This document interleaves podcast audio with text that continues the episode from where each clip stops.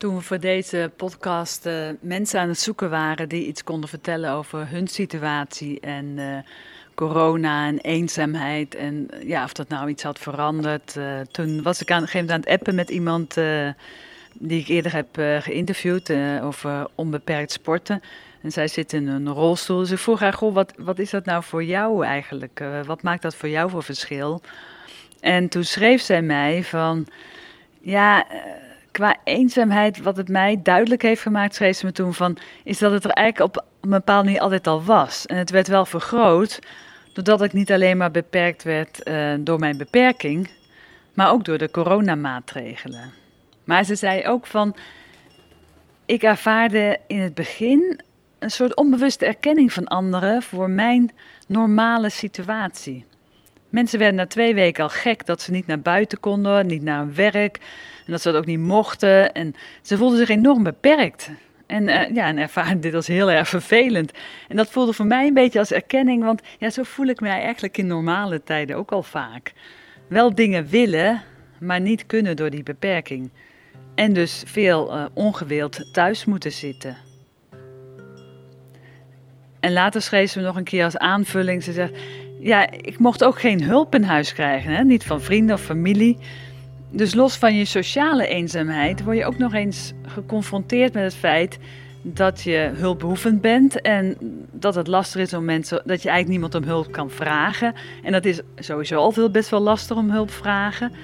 En als het ook nog niet eens mag, ja, dan vergroot dat wel je isolement en ook je eenzaamheid. En je distancieert je steeds meer van de normale maatschappij.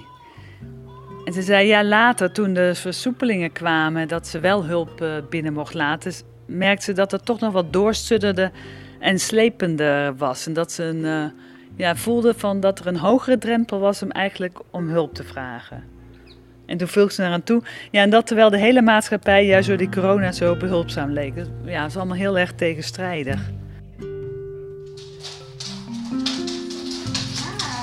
Ah, oh.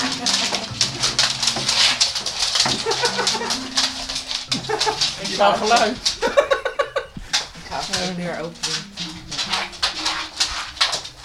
Hallo. Wie is dit dan? Dit is Ona. Dit is, dat is mijn hond. Die is nu uh, in december drie geworden. Wat voor hond is het? Dit is een labradoodle. En wat voor karakter heeft Ona? Ona is uh, een, uh, een blij ei. Stuiterbal. Maar ook een, een, het lijkt heel veel, maar ze is al heel snel heel angstig. Dus dat is. wie, wie, ben je? Ja, wie ben ik? Nou ja, ik ben Peter Waalboer. Ik ben 42 jaar. Ik woon in Leiden, in de Stevenshof. Ik uh, ben uh, blind.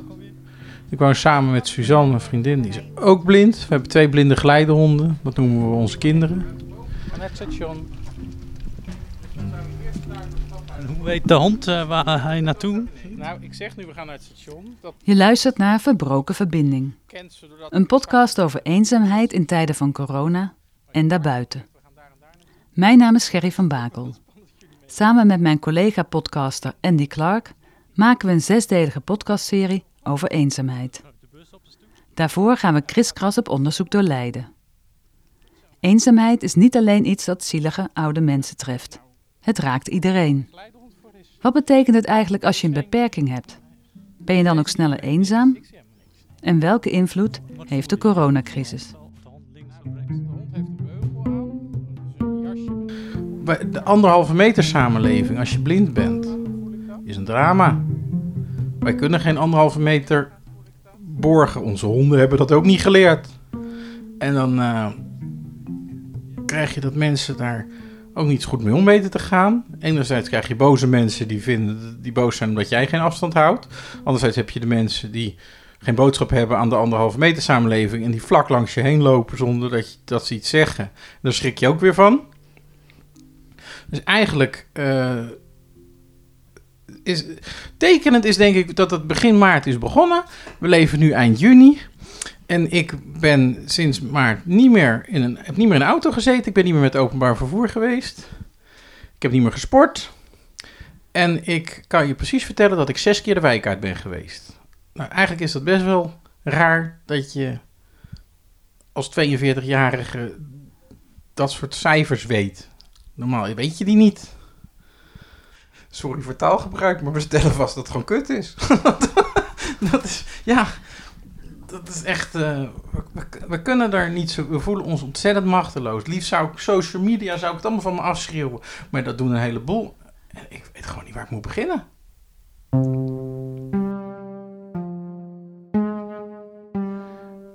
Tijdens ons gesprek zegt Peter dat hij zich nu meer gehandicapt voelt dan ooit tevoren. Is hij dan ook eenzaam geworden? Nou ja, wat, eenzaam, wat is de definitie van eenzaamheid? We voelen ons buitengesloten. We voelen ons.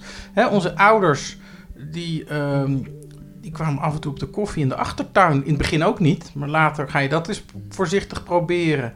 En toen was ik in juni jarig en toen was het slecht weer. Nou, toen hebben de moeders maar gezegd van... eh, als jullie het goed vinden, zijn wel, wij wel bereid om binnen te komen. En, en als je blind bent, telefoneren en zo, nou, het kan allemaal wel. Maar veel mensen die blind zijn, die hebben ook best wel behoefte aan dat fysieke contact. En dat is er nu niet. Een, een vriend van mij waar het van de week niet zo lekker mee ging, nou, dan ben ik er doodziek van dat ik niet even een arm heen kan slaan. Even dat lichamelijke contact. Dat zegt mij heel veel. Als ik nu lees dat mensen zeggen, eigenlijk zouden we elkaar nooit meer een hand moeten geven. Terwijl ik haal zoveel informatie uit die hand die ik iemand geef.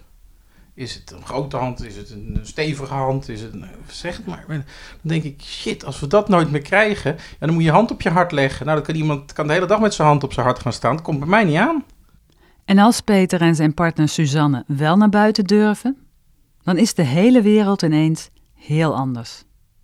Alle winkels zijn verbouwd. Als je als, als, als, je als een goedziende ergens binnenkomt, heb je binnen een fractie van een seconde een, een overzicht van de situatie in die ruimte. Een beter beeld dan dat ik in mijn hele leven ooit zou kunnen krijgen als je me zo zou opsluiten in die ruimte. Nou, nu krijgen we dat wij dus in ons hele leven geleerd hebben om routes te leren. Dat trainen we ook met de honden. En dan gaan al die winkels verbouwen. Die gaan overal lijntjes trekken. Die gaan eh, wandjes neerzetten. eh kuchschermen. Verzin het allemaal maar.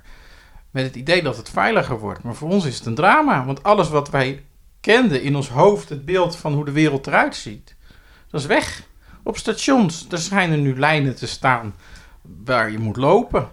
Er schijnen eh, lijnen te zijn waar je achter moet wachten totdat de trein eh, binnen is en de mensen zijn uitgestapt en dan mag je instappen. Nou, van alles. Nou, dat werkt voor ons niet. En dan zetten ze in het protocol voor het openbaar vervoer, het landelijk protocol, niets over uitzonderingen of, of, of aandacht voor mensen met een beperking. De enige zin die ze erin zetten is het protocol geldt voor iedereen, inclusief mensen met een beperking. En dat maakt het, dat ene zinnetje maakt het voor mij alleen nog maar pijnlijker. Want dat geeft aan dat ze er dus kennelijk wel over nagedacht hebben. Maar vervolgens ook besloten hebben om er niks mee te doen. Peter is zelf blind en al jaren belangenbehartiger voor mensen met een beperking. En dit komt bij hem heel hard binnen. Nou, daar heb ik letterlijk verdriet. Daar heb ik jankend voor op de bank gezeten. Dat je echt denkt van, ja jongens, ik, ik ben belangenbehartiger. Sinds 2013 zet ik me in voor toegankelijke samenleving. Ik zit sinds vorig jaar in het bestuur van het platform Gehandicapten Leiden. En, en in 2016 is het VN-verdrag voor de rechten van mensen met een handicap geratificeerd door Nederland. Daar zetten we ons ontzettend voor in. En er hoeft dus maar iets te gebeuren. En we zijn terug bij af. En dan denk ik, zo slecht zit het dus verankerd in onze maatschappij. De toegankelijkheid en de inclusie. En dat vind ik wel pijnlijk. Verderop in het gesprek vragen wij Peter hoe mensen op straat op hem reageren in de anderhalve meter samenleving. Ja, want we hadden het over eh, ja, want die anderhalve meter. Eh, ja, jij zegt terecht van, ja, ik zie niet of iemand op anderhalve meter afstand eh, van me loopt. En mijn hond weet het ook niet. eh, Ja. van, en, maar als mensen jou zien lopen, heb je dan niet het idee dat ze aan jou kunnen zien dat je hun niet ziet? Je zou het zeggen. een zonnebril, een hond, eh, een stok. En nog lopen mensen finaal tegen je aan. Die denken kennelijk dat ik aan de kant ga voor ze. En dat gebeurt niet, eh, niet heel, niet, niet elke dag, maar het gebeurt wel regelmatig. En mensen zijn daar gewoon niet mee bezig. Ik ben hier, laatst hebben we één keer de fout gemaakt dat we dachten even af te snijden en door de promenade van de Stevensbloem te lopen, het winkelcentrum hier in de Stevenshof. Nou, daar heb ik spijt van. Daar blijken nu overal rijtjes te staan van mensen die staan in de rij te wachten omdat ze dan een winkel in mogen en zo. Maar ja, ik weet het niet. En mijn hond, die, die snapt dat niet. Dus die loopt gewoon eh, net zo door, door die promenade als dat hij dat voor maart deed. Nou, dan beginnen allemaal mensen te roepen, meneer, meneer. ik denk, oh nee, hier moet ik dus niet zijn. Maar ja, dat is wel balen. Peter is boos, maar hij heeft wel gevoel voor humor. Hij ziet een zekere ironie in de populariteit van doventolk Irma Sluis, die de persconferenties van minister-president Rutte en minister De Jonge vertaalde. Ik haal op zich heel veel informatie uit die persconferenties. En die, kan ik eh, luisteren en dan krijg ik het mee. En Irma Sluis is natuurlijk helemaal hip. Hè? Gisteren ga- gaven Rutte en de jongen al aan dat ze pijnlijk vonden dat zij populairder is dan zij. Maar dat, dat, dat, eh, dat is natuurlijk eh, hartstikke mooi. Maar in de boodschap die ze uitzenden, zat weinig over mensen met een beperking en hoe die mee moeten doen in de maatschappij, zoals die er nu uitziet. De hele deel van de maatschappij van mensen met een beperking, en dat zijn er 2 miljoen, die, eh, die hebben het zwaar nu. Als hij me ziet, begint hij te lachen en zo. En dan ga ik met mijn armen wijd staan en dan komt hij naar me toe lopen. ja, dan krijg ik een knuffel van hem. Dus ja, dat, eh, ja dat kon ook allemaal niet meer. Hè. Maar ik hoop dat ik dat eh, weer mag doen allemaal straks. Deze moeilijke tijd. Het is niet alleen voor mij, maar het is voor iedereen eh, heel moeilijk deze periode. Ja. Nou, ik ben Ria en ik ben eh, 72 jaar. En ik heb 40 jaar in de zorg gewerkt. Maar vanwege rugproblemen moest ik stoppen met het werken, helaas, toen ik 60 was. Dus toen kwam ik thuis. Ja, dat is best wel eh, heel moeilijk als je alleen bent. En ehm, gelukkig eh, heb ik een pleegkind in de gehandicaptenzorg. En dat is eh, ruim 15 jaar ken ik hem nu als pleegkind. Dit is Ria, voormalig zorgmedewerker. Een kleine vrouw met een grote glimlach en een nog groter hart. De ideale oma. Ze heeft zelf geen kinderen, maar wel een pleegkind. Arnold die het syndroom van Down heeft. Nou, eh, hij heet dus eh, Arnold en hij heeft het Down-syndroom. En hij is eh, 49 jaar. En eh, hij praat dus niet. Hij kan wel een beetje lopen, want hij is ook hartpatiënt. Eh, het is eh heel ondeugend manneke, die foto daar. Corona was zwaar voor beiden, omdat bezoek niet meer mogelijk was. Beeldbellen kan Arnold niet. Het enige wat Ria kon doen, was één keer per week bellen met de verzorgers van Arnold. Als ik bel, want ik bel wel iedere week hè, om te horen, gaat het goed? eh, hè? Zijn er geen problemen, met, zowel met hem als met de rest natuurlijk. En eh, dan hoor ik hem ook soms. En als hij een beetje, in, want het ligt een beetje hoe zijn bui is. Maar als hij een beetje in een goede bui is, dan doen ze de telefoon wel eens bij hem. En dan zeg ik, hé hey Molly, hoe is het nou? Nou, en dan hoor ik hem eigenlijk al een beetje lachen. En dan zeggen ze het ook wel eens. Ja, hij zit te grijnzen hoor. En, eh, maar hij denkt, waar komt het vandaan? Want dat eh, beseffen ze dan niet. Hè? Daar is hij te laag van niveau voor. Maar ik vind dat toch wel leuk als hij er toch op reageert, zeg maar. Ja. Later werd bezoek wel weer mogelijk. Maar met de anderhalve meter regel worden dingen niet meer echt zoals vroeger. Nou, ik, eh, ik, ik denk wel dat, eh, want eh, het is niet bij mij, hem kan ik geen anderhalve meter afstand houden. Dus dat wordt een knuffel. En dan zeg ik zo, scheetje poepie, ben je er weer? dus dan dan mogen niet snoezelen. Maar dan gaan we naar, ze hebben een eigen kamertje. En dan gaat hij op bed liggen en dan ga ik ernaast liggen. En eh, dan ligt hij altijd op zijn buik en dan eh, gaan we een beetje kletsen. En dan zet ik een muziekje aan. En eh, ja, en dan, ook, dan pakt hij mijn hand en dan moet ik echt over zijn bolletje aaien en zo. En, ja, en dan gaat hij lachen en om niks soms. Of hij kijkt je aan en begint ineens keihard te lachen. Ja, het zijn echt allemaal zo van die kleine dingetjes, ja. Ja, ik vind het een heerlijk veentje. Ik kan er niks aan doen. ja, ik heb zelf geen kinderen, dus ja, dan is zoiets natuurlijk hartstikke leuk. Ja, zijn ouders zijn uh, in de rond de 85. Dus Uh, ik heb letterlijk drie, vier, uh, soms vijf, zes verschillende stemmen in mijn hoofd. nou ja, dat kun je op een MRI zien. Als ik stemmen heb en het is toch doodstil en ik lig onder die MRI, dan gaan er werkelijk gebieden in je hersenen af. Dus er is echt wel wat aan de hand. nou ja, die kan ik ook direct terugrelateren aan mijn traumatische verleden. en het meeste van wat ik krijg is ja, een negatieve afbraak. Uh, in de breedste zin van het woord. Dus uitschelden, maar ook dingen als je bent niks waard, je bent oninteressant. En ik ga het niet allemaal opnoemen, want dan zijn we morgen nog bezig. Uh, en uh, ja, dat is allemaal ja, niet leuk. Mijn naam is Tom Borst. ik ben 42. ik woon in Leiden, maar ben geboren en getogen in Leidendorp. Ehm, ja, ik uh, doe hier uh, van allerlei soorten vrijwilligerswerk. Uh, cursusbegeleiding, belangenbehartiging, individuele begeleiding. gastheer achter de bar voor het Lotgenootcafé. dus ik ben nog wel een manusje van alles. En ik ben ook bij een aantal andere organisaties ook als vrijwilliger bezig. Wij ontmoeten Tom bij Stichting Lume. Een organisatie die mensen met psychische problemen helpt. Het is midden in de intelligente lockdown dus wij praten met hem in een leeg gebouw. Uh, probeer maar eens een gesprek te voeren. Uh, terwijl je drie, vier, vijf, zes stoorzenders in je hoofd erbij hebt. die op, de, op hetzelfde uh, geluidsniveau spreken. Dan wordt het ineens heel erg lastig om je te focussen op je gesprekspartner. Ja, dat kan. Ja, het valt waarschijnlijk een beetje buiten de scope van dit gesprek. Maar ik vind het eigenlijk wel. Want ik moet me dan voorstellen dat er eigenlijk, zoals wij nu zitten te praten, hoor je dan ook nog. Hoor ik ook nog die stoorzenders erbij. En uh, het maakt helemaal lastig, omdat het eigenlijk, uh, het zijn stemmen van mensen die ik ken. Dus als ik iemand uh, iets langer ken en die stem zit gewoon in mijn, in mijn geheugen, dan kan dat zomaar zijn. Ik heb geen idee hoe of wat of waarom, maar dat iemand opduikt. En dan zou je zelfs de dubbel kunnen krijgen dat je met iemand in gesprek bent en dat je die stem ook in je hoofd hebt. En dan zit je helemaal in een gekke spagaat.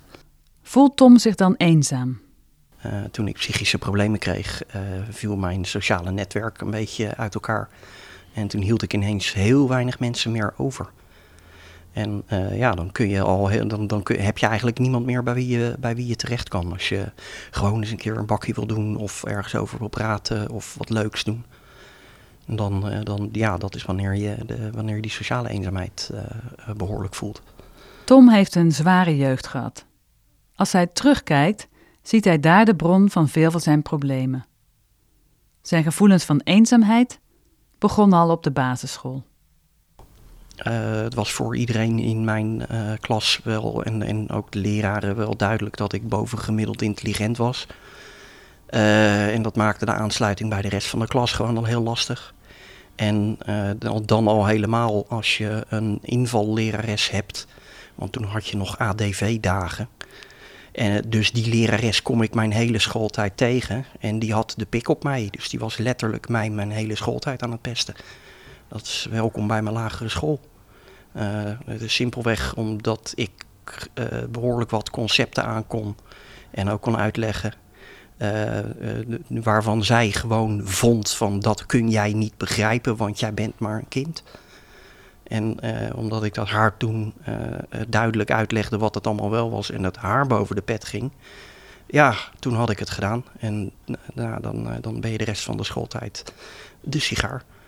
En zijn psychische problemen zelf komen vanuit de situatie thuis, zegt Tom. ik kom ook uit een, een huiselijk geweldsituatie. Dat is de oorzaak van, de, van, van het, het grootste gedeelte van mijn psychologische problemen. Uh, zowel diagnoses als, als, uh, als symptomen. Uh, dus ja, dat, dat maakt het ook alweer op een andere manier lastig om aansluiting te vinden. Als je terugkijkt, denk je van ik was ook al eenzaam als kind? Ja. dat, oh ja, dat, dat, begon bij mij eigenlijk al toen ik 3,5 was. toen kreeg ik een broertje. En toen was er eigenlijk bijna geen aandacht meer voor mij. Dat, eh, dat werd compleet opgevreten. Eh, eh, alles wat er aan tijd en aandacht was, dat, eh, dat, eh, ja, dat ging naar mijn broertje. En toen kon ik het verder zelf uitzoeken. Dat, dat, eh, dat kan ik hem niet kwalijk verder nemen verder. En eh, mijn moeder verder ook niet. Maar ja, dat is dus wel hoe het toen gegaan is. En dat is iets wat ik pas veel, veel en veel later heb beseft. Eh, er had ook best wel wat aandacht voor mij kunnen zijn. dan, dan.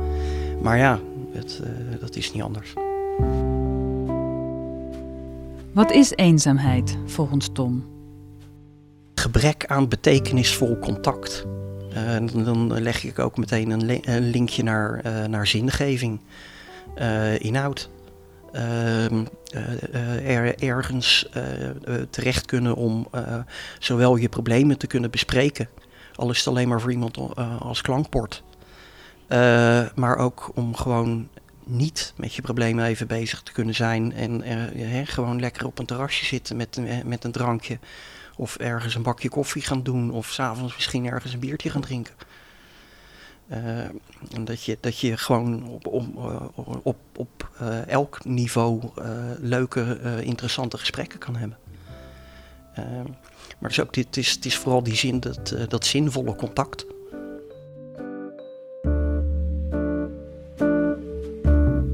En hoe is het coronatijdperk voor mensen met psychische problemen? Ik zie positieve dingen. Eh, sommige mensen die bloeien op, eh, ook, eh, ook, ook met, met, de, met de gevolgen van minder en op een andere manier contact met je hulpverlening hebben. Maar ik zie ook een middengroep die, die misschien een beetje, ja, die hebben nu stilstand. En er is geen vooruitgang. En dan zie ik nog een andere groep. en die gaan, echt, die gaan echt problemen krijgen. Ik heb geen harde cijfers. Ik durf die inschatting ook niet te maken.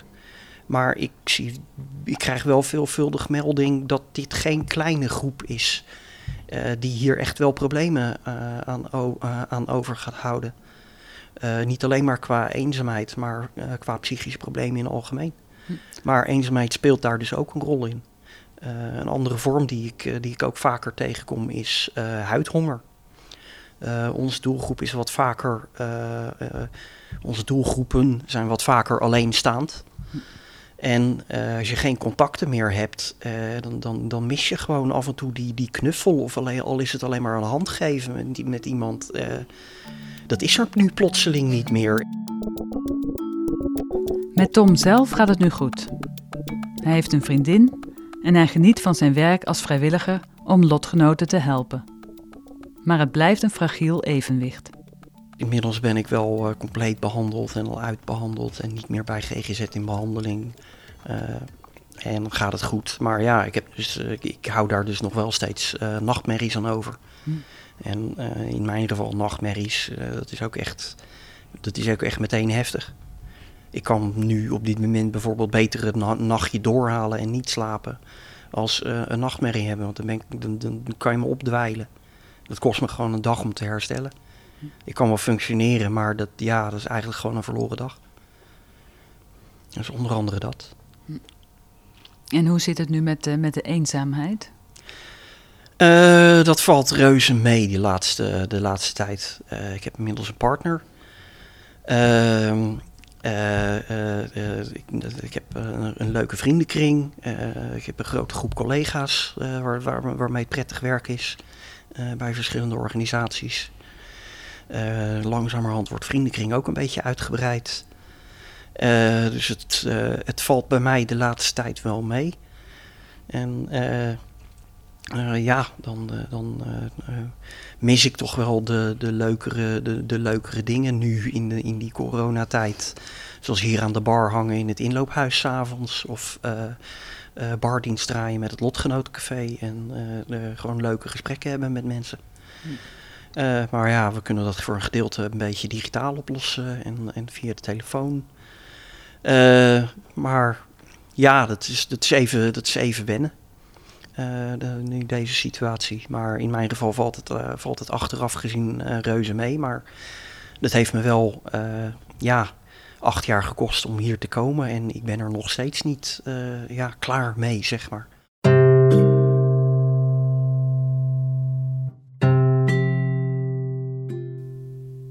Ongeveer 10% van de mensen in Leiden heeft een fysieke of geestelijke beperking.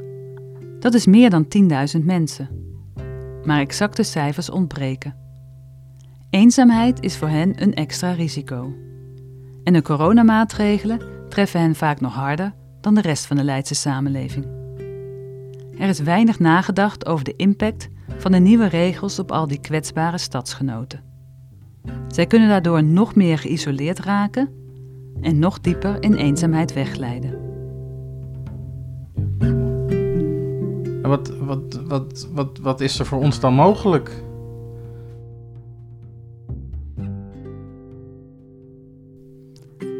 Je luistert naar Verbroken Verbinding. Een podcastserie over eenzaamheid in tijden van corona en daarbuiten. Deze zesdelige podcastserie is mede mogelijk gemaakt door het Leids Mediafonds. Ik ben Gerry van Bakel en maak deze podcast samen met producer Andy Clark. We willen graag dat zoveel mogelijk mensen naar deze podcast gaan luisteren, dus deel deze serie met je vrienden en familie en de rest van je netwerk. Je kunt ook een review achterlaten in Apple Podcast. En dat helpt andere mensen weer om deze podcastserie te ontdekken. In de omschrijving bij de podcast staan links naar organisaties die hulp bieden bij eenzaamheid. Dus als je hulp nodig hebt, neem contact met hen op. Deze podcastserie is ook te vinden via de website van Sleutelstad. Bij elke podcast schrijven we ook een artikel met extra informatie en links naar organisaties die hulp bieden in Leiden. Bedankt Peter, Tom en Ria voor jullie verhalen en tijd. Wil jij ook een verhaal met ons delen? Dan kan dat via WhatsApp. Het nummer is 06 12 42 83 87. Ik ben Gerry van Bakel. Bedankt voor het luisteren.